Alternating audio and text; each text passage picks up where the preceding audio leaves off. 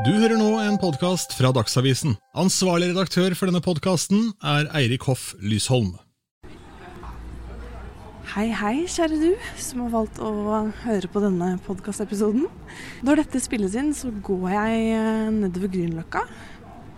Og det er liksom klokka er snart ti på kvelden, og folk tar seg en øl og koser seg i parken og sånn. Men jeg skal møte Ingeborg Senseth.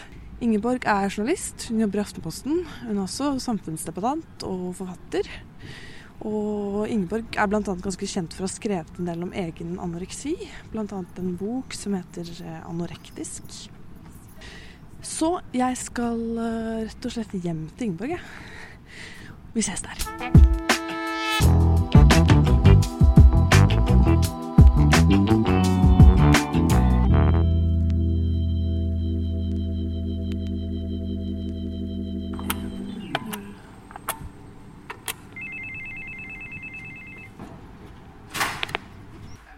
Hei.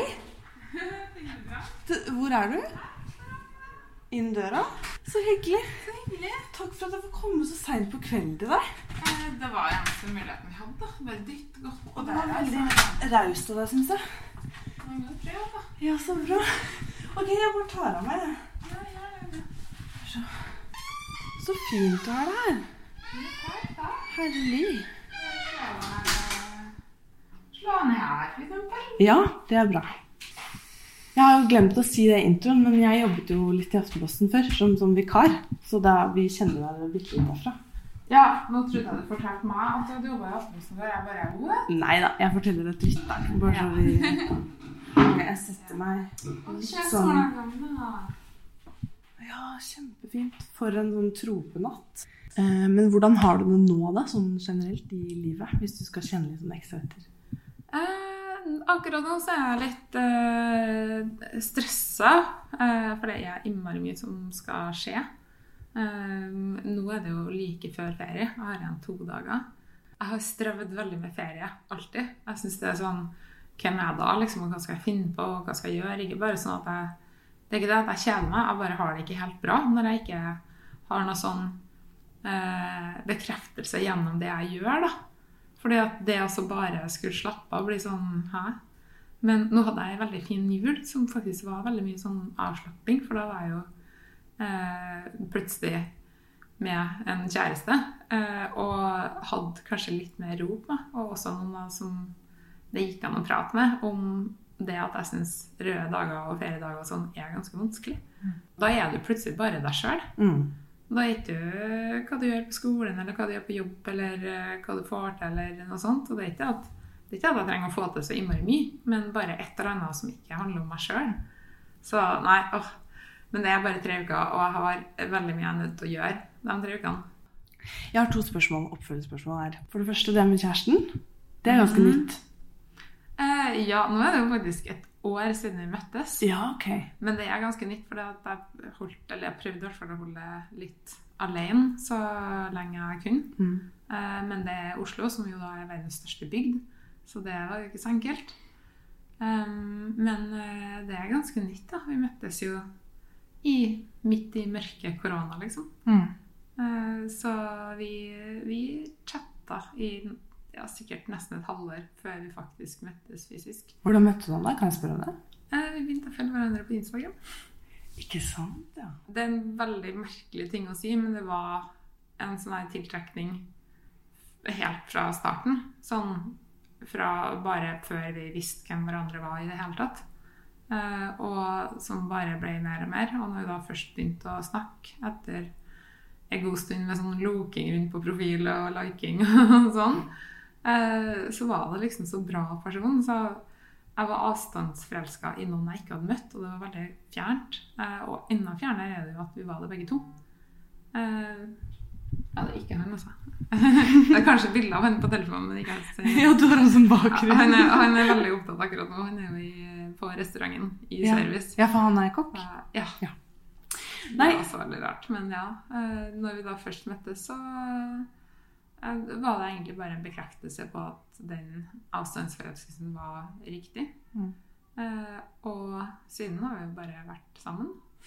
Men uh, du, jeg så du skrev på Instagram noe om at du på en måte har prøvd å holde folk unna. Men så klarte du ikke å holde han unna. Uh, ja, jeg har prøvd det med venner og egentlig med alle. At jeg har vært litt sånn litt sånn relasjonseremitt, nesten. At med en gang noen kommer nære innpå meg, så føles det fort veldig skummelt Mm. og trangt. Og da har jeg rømt videre ofte, da. Hva tror du er grunnen til at du føler på det, da? Eller at du skygger banen, liksom? Eh, fordi at jeg ikke liker meg sjøl så veldig godt. Og da tenker jeg at når noen blir kjent med meg ordentlig, så kommer de til å se det samme som jeg ser. Så det er det jeg har vært redd for liksom bestandig. Og det var Det var først da jeg var blitt voksen, liksom, og da får venner som på en måte ikke Eller som ikke ga seg. Som drev og kom tilbake og, og, og ikke, ikke forsvant sjøl om jeg prøvde å stikke av. Så fikk jeg jo øvd en del på de tingene. Eh, og i tillegg så fikk jo etter hvert noen av vennene mine se meg på det jeg føler er mitt verste. Og var sånn Var det her du ikke ville vi skulle se? Det her er jo Herregud, det her er jo ingenting. Det er jo bare menneskelig å ha det sånn. Uh, og jeg tenkte bare Hvordan går det an, faktisk?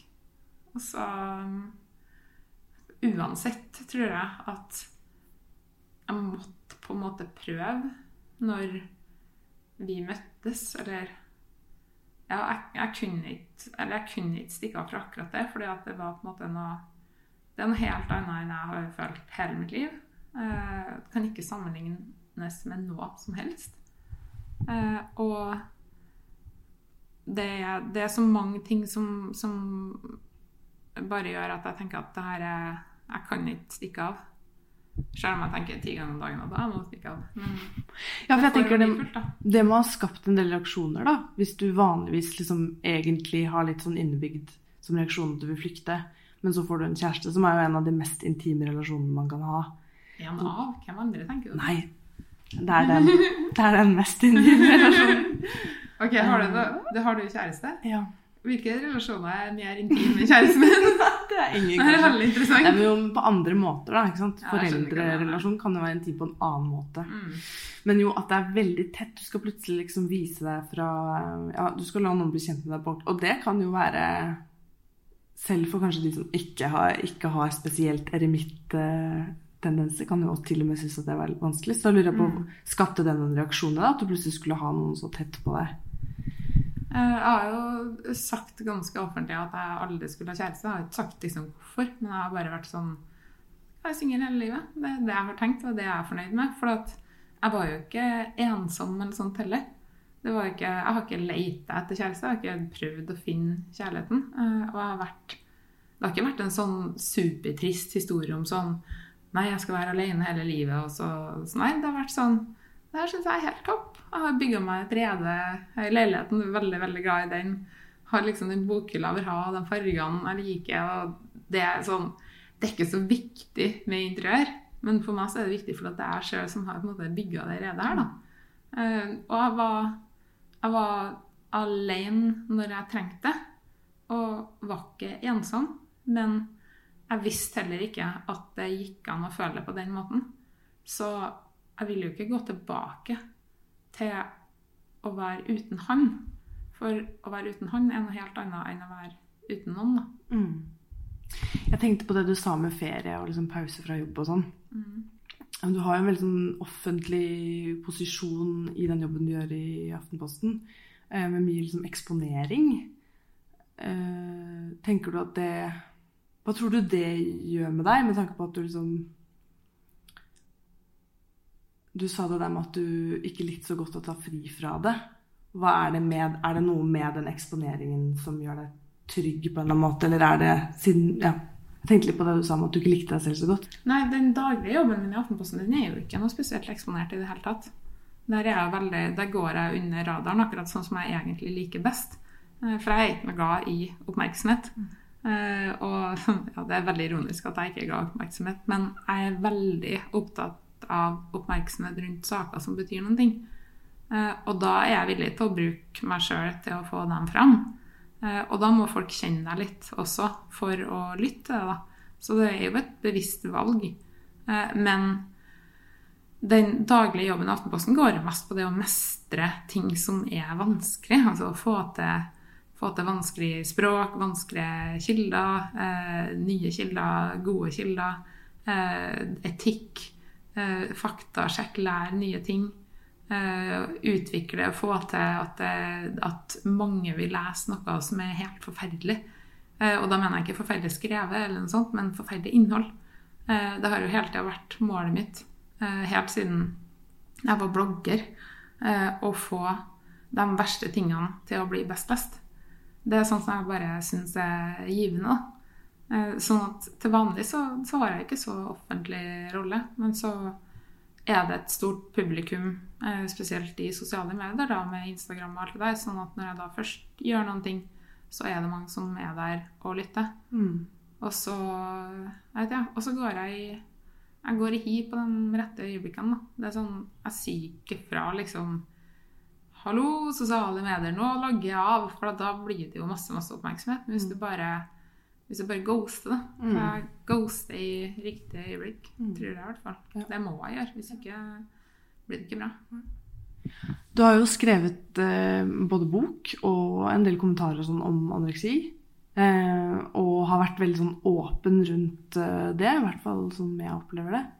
Eh, hvordan har det vært? Hvordan er det Er det noe som du er glad for at du har gjort? Er det vanskelig å stå i, eller åssen, åssen er det? Det har jo vært nødvendig. Fordi at jeg har følt at det har ikke vært noen som kunne ha sagt eh, nok om innsida av norsk psykiatri. Eh, psykiatriske pasienter er ikke de som står først i køen til å være kilder eller til å skrive bøker. Eh, og de får ofte for lite oppmerksomhet når noen først gjør det. Eh, det har jo blitt skrevet masse bra, men det bare går under radaren. Da. Eh, men boka mi ble jo sånn her det, var Første opplaget var utsolgt samme dag.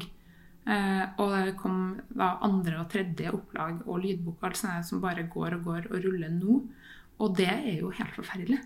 Altså, det sier jo noe om at det er et sånn gap av informasjon om hvordan det er på innsida av norsk psykiatri, som jo er egentlig noe av det viktigste vi skal ha her i landet.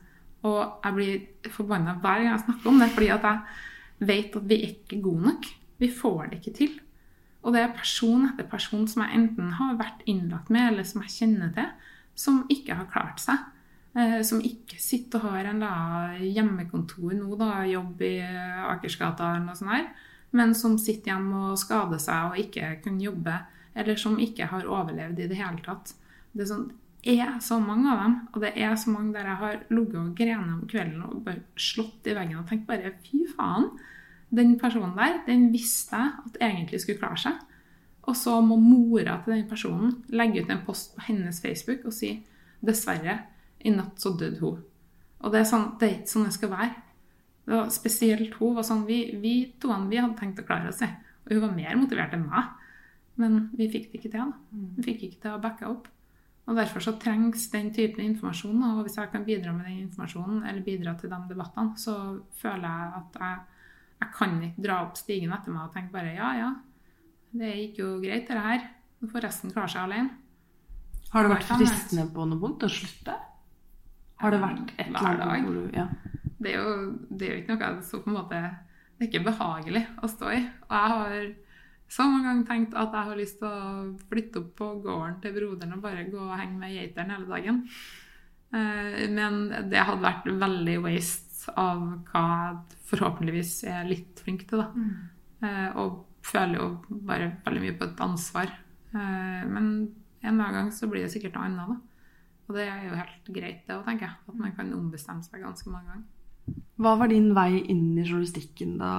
Når begynte du å jobbe som journalist? Hvordan kom du liksom um, Da jeg drev og blogga, så starta det jo med en sånn uh, Her er meg og mitt liv fra psykiatrien. Uh, fra sykehusene. Um, men i takt med at jeg ble bedre, uh, så ble det mer og mer samfunn og deling av andre folk sine historier i det. Uh, opptatt av å vise fram uh, mer overordna hvordan det var. Eh, og mens jeg var innlagt, så eh, slo en bombe ned i Oslo. Eh, og masse ungdommer ble massakrert på en øy. Og jeg kjente at nå har jeg en stor plattform. Jeg kan ikke bruke den også på det. Og jeg så at det var veldig mange som ønska en av-knapp for eh, Behring Breivik, og som ikke ville høre mer om den terroren i Oslo. Det var langt unna. Orker ikke noe mer. Og det er på en måte Jeg, jeg kan skjønne det. Men jeg skjønner ikke at de egentlig sa det høyt, eller at de etterlyste. For meg så er det helt fullstendig uforståelig å synes at det er verre å høre om at noen har opplevd noe forferdelig, enn at de har opplevd det forferdelige. At du på en måte syns at ditt eget ubehag er viktigere enn andre folk sin ulykke. Det, sånn for meg så var det helt absurd, men jeg tenkte at OK, de vil ha en av-knapp der, men nå er, det, nå er det så mange tusen som leser det her. Da kanskje kan jeg formidle på en annen måte, da.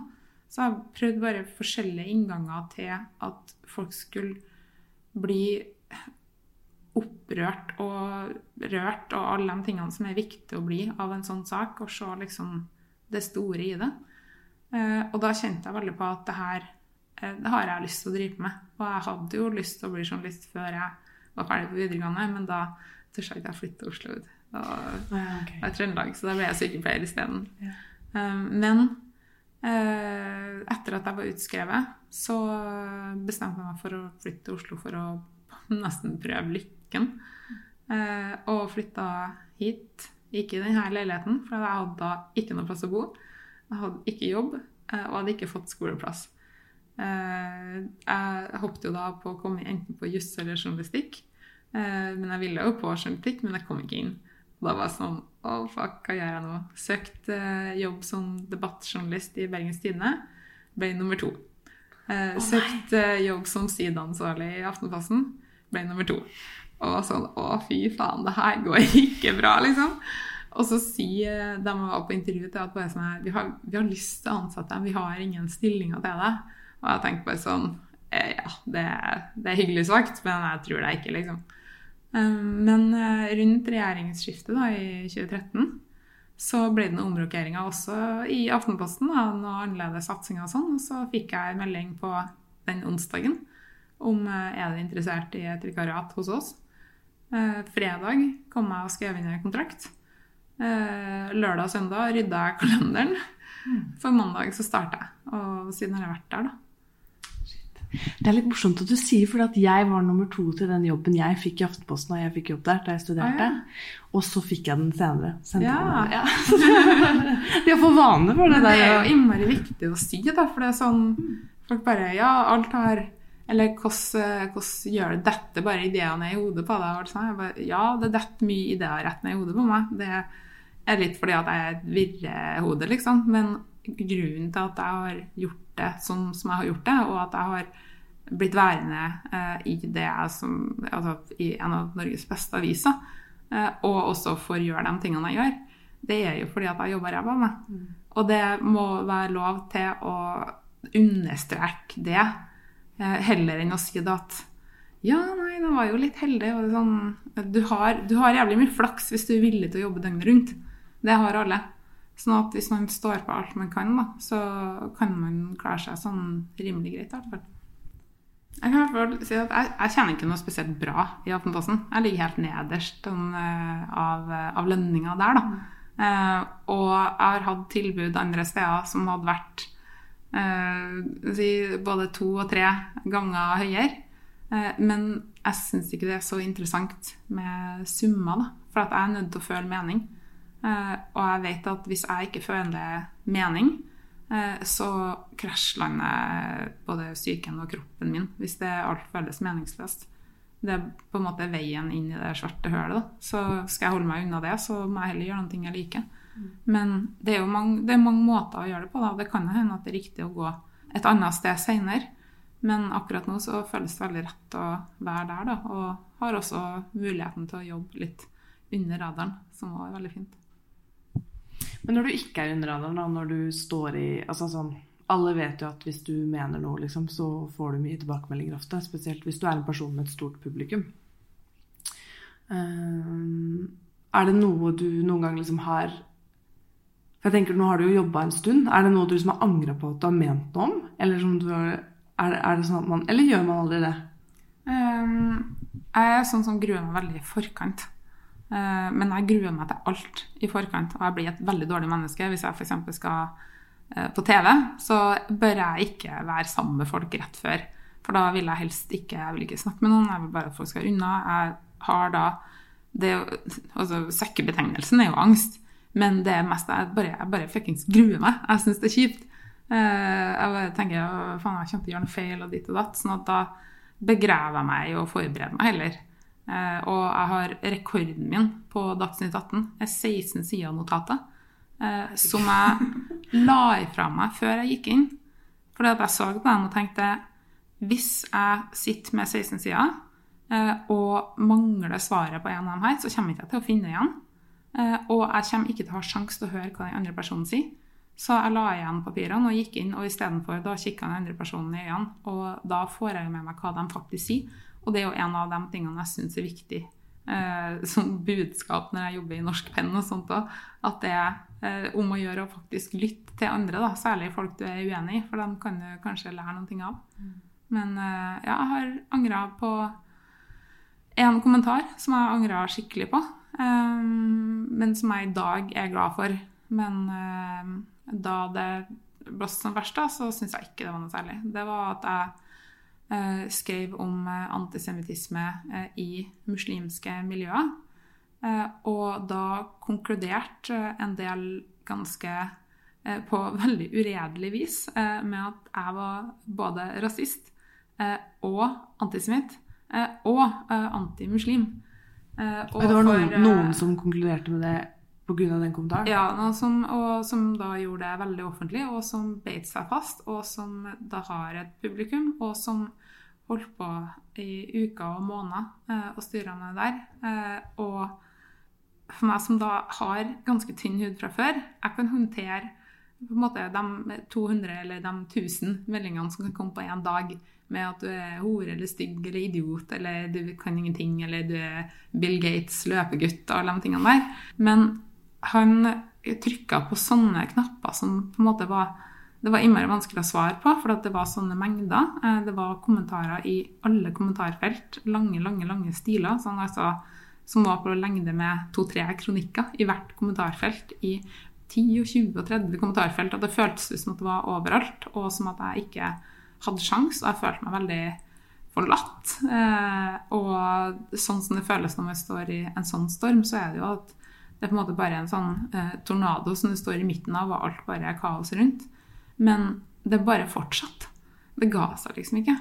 Eh, og da tenkte jeg at det her, det her kan ikke Det her går ikke, faktisk. Det her går ikke an. Og jeg, jeg, klarer ikke, jeg klarer ikke tanken på at noen kan tenke noe sånt om meg. Eller jeg likte jo ikke at engang den personen tenkte det om meg.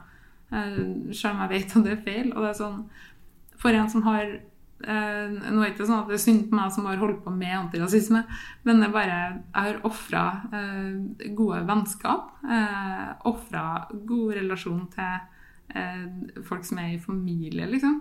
Fordi at jeg ikke har kunnet akseptert eh, deres syn på såkalte raser.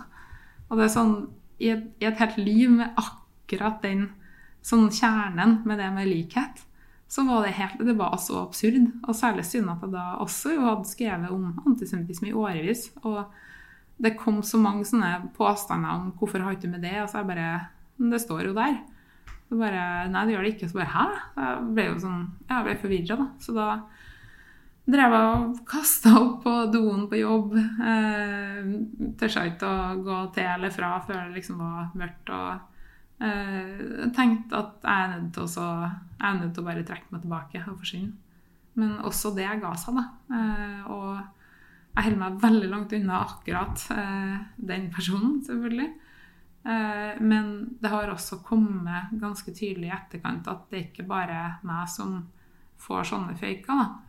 sånn at det hjelper på en rar måte litt. at det er et eller annet oppheng den personen har. Men det er ikke noe gøy.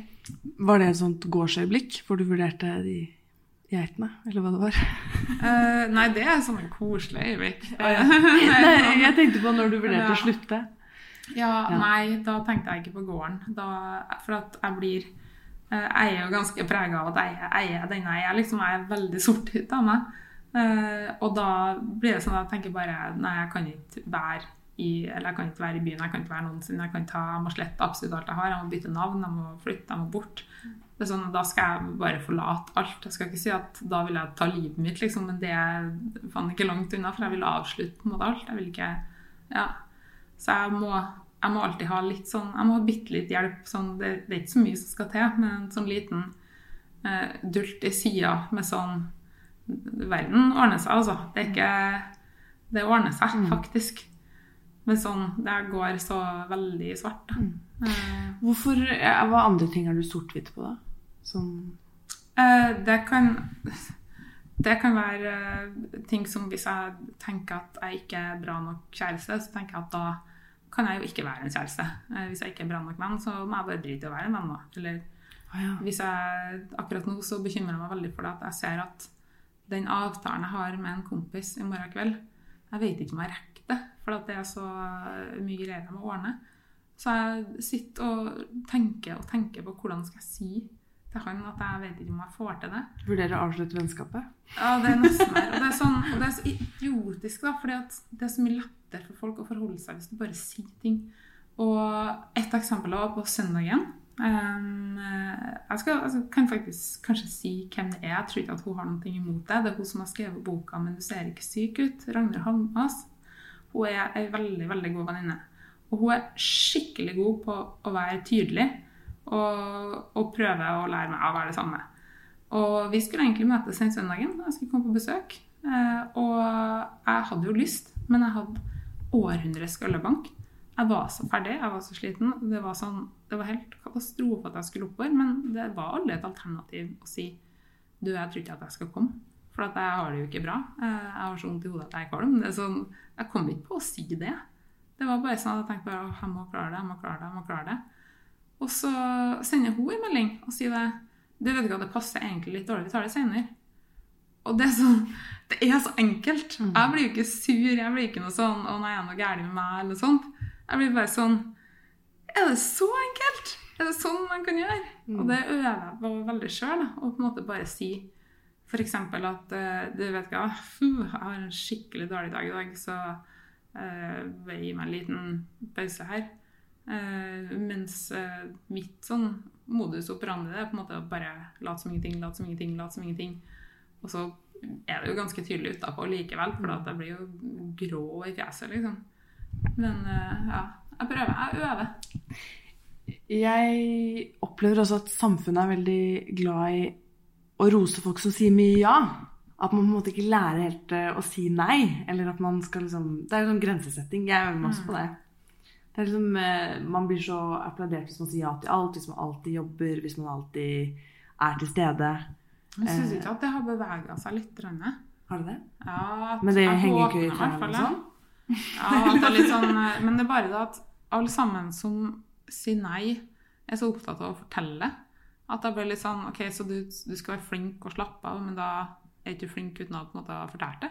Ja, nei, det er, sånn, sånn, det er litt sånn vi snakka om i stad, med å si at man tar en pause fra SoMe. Vet du hva jeg skal gjøre? Hva? Ta en pause og hente meg drikke. Ja, gjør det. Veldig bra. Nå var du tydelig. Ja, nei, Nå er jeg god. Brus. Brus. Jeg holder på å fyre meg opp på VG pluss i dag. jeg. Har du fyrt opp på VG+, fortell. Ja, nei, bare i Insta-story, da, for jeg orka ikke å gjøre noe stort ut av det. Men eh, de, de har laga en kjempegod sak om energidrikk. Som er helt super, selve saken. Den ligger, og den ligger jo selvfølgelig da bak eh, muren, men det er jo en, det er en bitte liten mur. Alle avismurer er jo det er snakk om en prioritering. Det er snakk om en øl. Eh, eller ei krone, for den saks skyld. Men sånn eh, den, den er skikkelig sånn kildebelagt og eh, ganske nedpå eh, forklarer hvorfor det ikke er farlig å drikke energidrikk, men det er farlig med for mye koffein.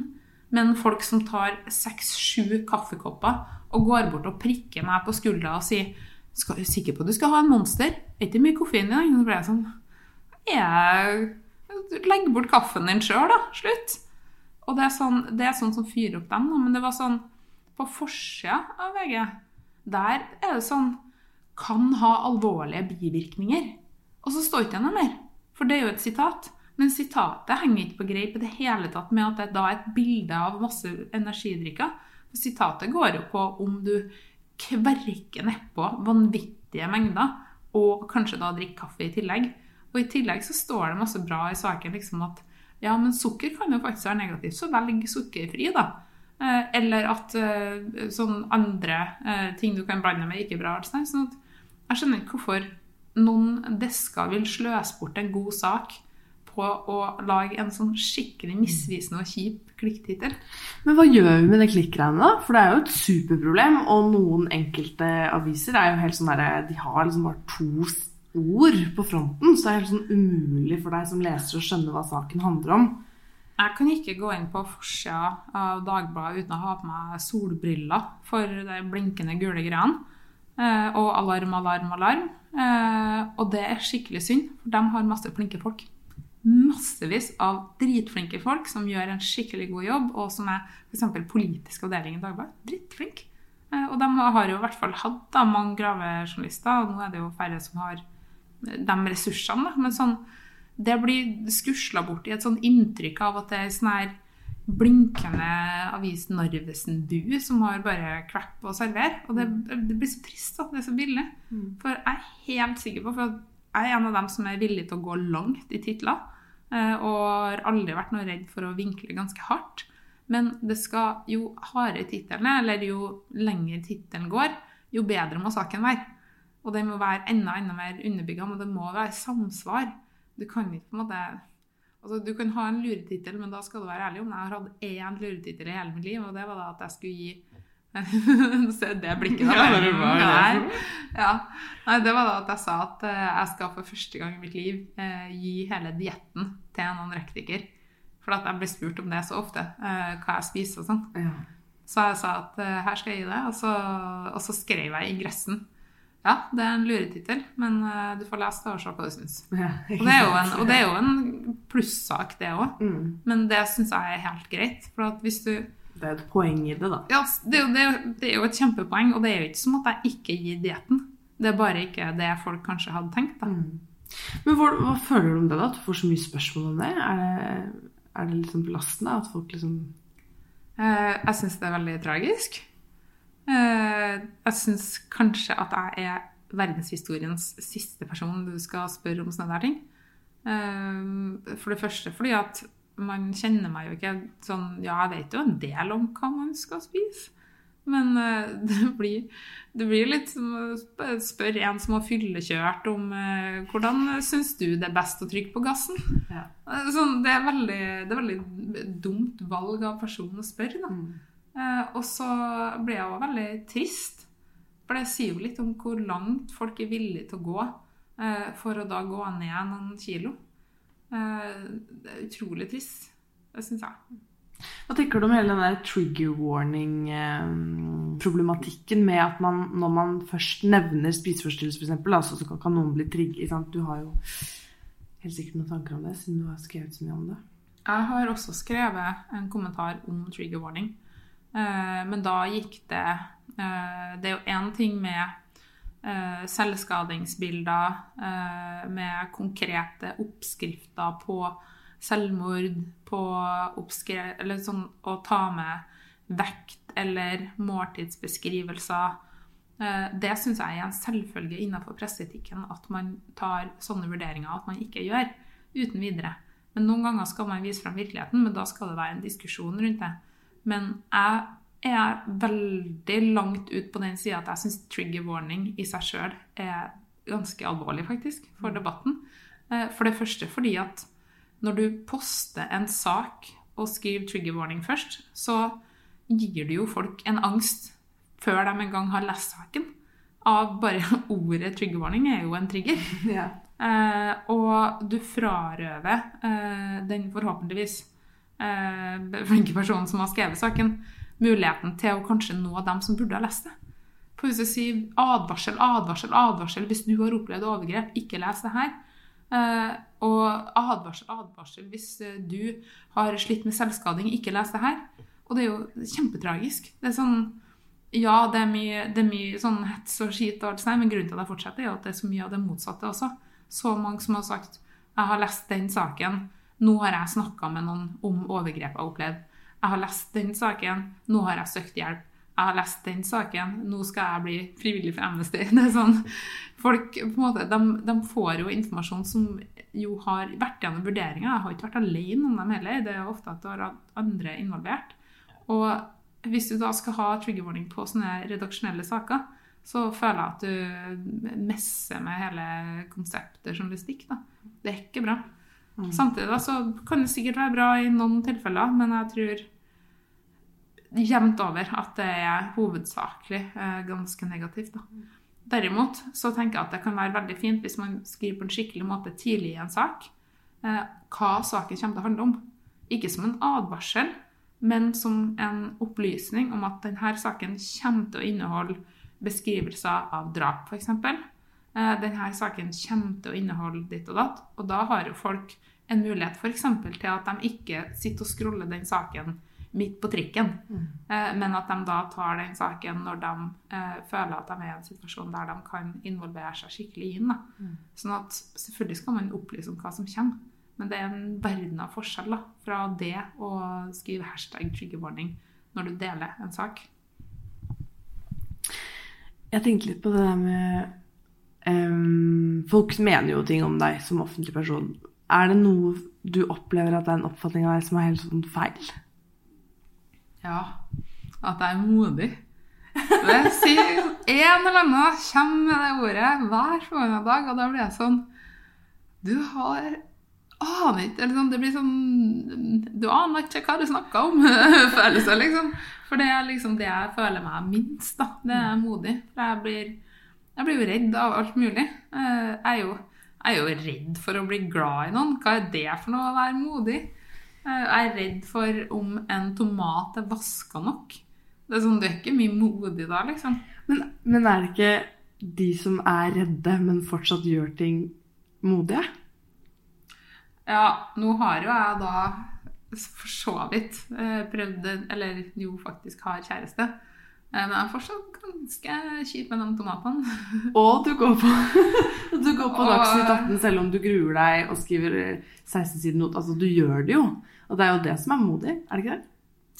Jeg vet ikke, jeg, jeg er føler at det, ja, det, det er sikkert hyggelig, men jeg, jeg, det, da kan de heller si flink pike. Altså, jeg syns det er bra med flinke folk. For det er jo det at jeg har forberedt meg og gjør, Ja. prøver å gjøre en innsats. ja.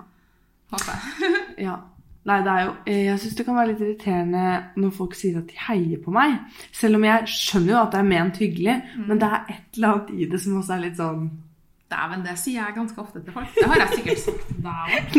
Det er veldig hyggelig. Og jeg tar det helt riktig, men det er bare sånn for eksempel, hvis noen jeg gikk på videregående sier at de heier på meg, så kan jeg veldig fort lese det som sånn Jeg ser du sliter, men jeg heier på deg. Ja, sånn, ja. ja. Nei, ja, ja, ja, sånn, ja. Du kan jo for så vidt svare dem eh, sånn Nei, så fett, da. Del saken. Ja. Ikke sant? For det er jo ofte at det er f.eks. en sak noen er enig i, eller syns er bra skrevet, eller sånt. Og så da svarer de bare sånn Ja, men så kult. Del den. Det er jo helt topp at du heier, mm. men eh, ta, eh, si det videre. Eller, eller men noen ting sjøl. Mm. Det er jo enda flottere når folk gjør det. Men jeg synes også det, det bør være litt sånn lavere terskel, for at en del har ikke lyst til å poste en sak fordi at de kanskje ikke enig i absolutt alt. Uh, og der er, der tror jeg jeg er ganske liberal, for jeg tenker liksom det at jeg kan godt si at å, den saken her er skikkelig bra skrevet, uh, men jeg er jo ikke 100 enig i absolutt alt.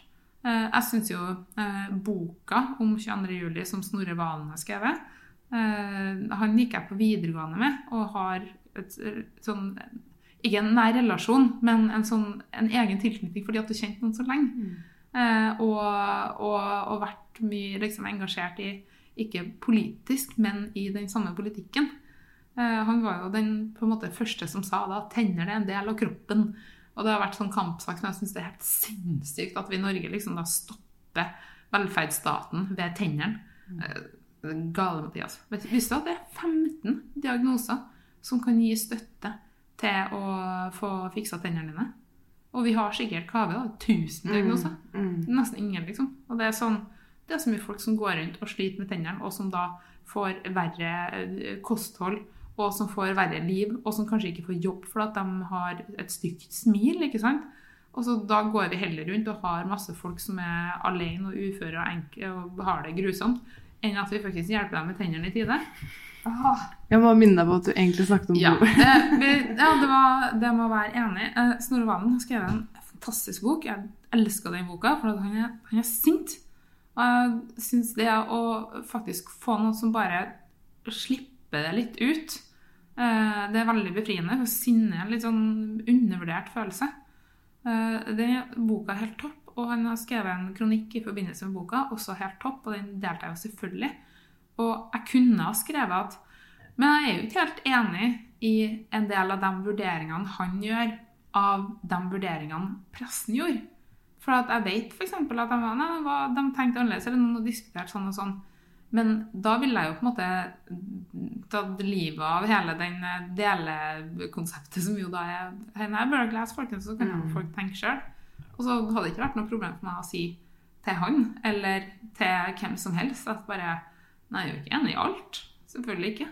Er, hvordan skal jeg kunne være enig i 250 sider pluss en kronikk med alt den personen skriver? Men jeg syns at det er helt fantastisk skrevet og utrolig viktig budskap. Og da blir det veldig underordna. Eh, og liksom Men jeg syns det var litt dumt, det ene avsnittet Ja. der. Er sånn, nei. Men har du eksempler på noen som du liker veldig godt, som du er veldig uenig med politisk, f.eks.? Ehm, det, det er mer sånn fra sak til sak. Ja. Um, jeg det er veldig mange som kan være veldig dyktige til å snakke for seg, og som kan være gode å diskutere med. Uh, jeg er ekstremt utro politisk, uh, og skifter rundt uh, alt etter hvem jeg syns er fornuftig og, og har de rette sakene. Og har stemt så mye forskjellig rart opp igjennom. Eh, Jeg har til og, med, til og med stemt rødt. Det er det mest ytterliggående jeg har stemt i hele mitt liv. Men det var ved det stortingsvalget der jeg var Det var før jeg begynte å jobbe som journalist, tror jeg. Eller så kanskje jeg hadde begynt. Men um, da var den ene hjertesaken var, var helse. Og jeg, er, jeg har New Public Management i vrangstrupen. For jeg tenker det at vi i det hele tatt kaller sykehusene våre for helseforetak, altså helsebutikk. Vi kunne egentlig kalt det helsebutikk, for det er egentlig ordet på foretak. Eh, Det er i seg sjøl en sånn alarm. Det her er jo kanskje ikke det lureste vi gjør. Eh, Det jeg syns hele konseptet har De har et par fordeler, men de fordelene er ikke menneskelige. Um, da endte jeg opp med å velge ut bare den saken, og jeg var jo sånn uenig med alle partiene. da sånn jeg bare Du er ikke bra nok, du er ikke bra nok, du er ikke bra nok. De eneste jeg på en måte tenkte at på akkurat helse, ja, der møtes vi. Da bedre meg i den stemmen der. Og vi har så mye annet der jeg sånn Ok, det her er ikke helt meg, liksom. Men sånn er det jo med alle partier, da. Og nå kommer det jo snart et valg igjen. Og igjen så må jeg sitte bare Jeg er uenig med alle, jeg. Det her eh, går jo ikke. Eh, Men jeg vet jo at jeg kommer jo eh, av, Også av sånn helsegrunn så er jeg jo kjempesur fordi at ikke den gylne regelen har blitt fulgt. av alt sånn. Så hvis jeg går for den saken, så er det i hvert fall noen som er ekskludert. Men det betyr jo ikke at noen andre er inkludert, for å si det sånn. Fordi at når det gjelder akkurat det med helseforetak, så var det jo venstresida som var involvert på den tida. Så derfor så ender jeg sikkert Kanskje, kanskje jeg ender opp med å stemme Kystpartiet. Nei, det tror jeg ikke. Er helt ute å kjøre. Hadde vært morsomt å sitere deg på. ja. Lykke til med det. Og da, da blir jeg nødt til å si bare sånn Jeg vet ikke hva jeg sa. Jeg var drugga, liksom. It was me. Ehm, jeg vil bare sånn bitte litt tilbake til det vi snakket om i stad, med at du, du sa at du ikke liker deg selv. Som jo er egentlig en ganske sterk ting å si, som jeg absolutt kan kjenne meg igjen i. Altså rett og slett litt selvforakt til tider. Men nå har du altså Har det der med kjæreste Har det fått deg til å like deg selv litt bedre? Jeg blir jo stadig vekk påminnet om at den personen jeg syns er best i verden, liker meg. Eh, og det er jo litt sånn Ja, OK, kanskje jeg ikke er den beste kilden å gå til når jeg skal ha svaret på om jeg er en bra person eller ikke. Så kanskje det er lurt å høre på andre enn seg sjøl. Og det tror jeg ganske mange kan gjøre hvis de, hvis de virkelig hater seg sjøl, har masse selvforakt. eh, så kan man tenke litt som vi gjør i journalistikken. Eh, vi spør ikke folk som er personlig involvert. Vi spør litt mer objektive kilder. og du er kanskje sjøl den mest inhabile personen på jord til å si eh, hvilken person du er, da, eller om du er en dårlig person. Og hvis du har f.eks. venner du er glad i, eller andre personer som er glad i deg, så er jo det et ganske godt tegn på at du egentlig ikke er så aller verst. da. Mm. Og så skal man slippe altså, Hvis noen kommer og sier til meg at de vil melde meg på et sånn her 'elsk deg sjøl, du er en gudinne'-ting, så er det en ytterpol jeg faktisk kan si jeg forakter bitte litt. Jeg, jeg vil heller faktisk uh, gå rundt og loade meg sjøl enn å gå rundt med at jeg er en gudinne og setter meg ned og tenker jeg er verdifull hver dag, det, det, det er ikke meg. The main character, altså greia I am the main character.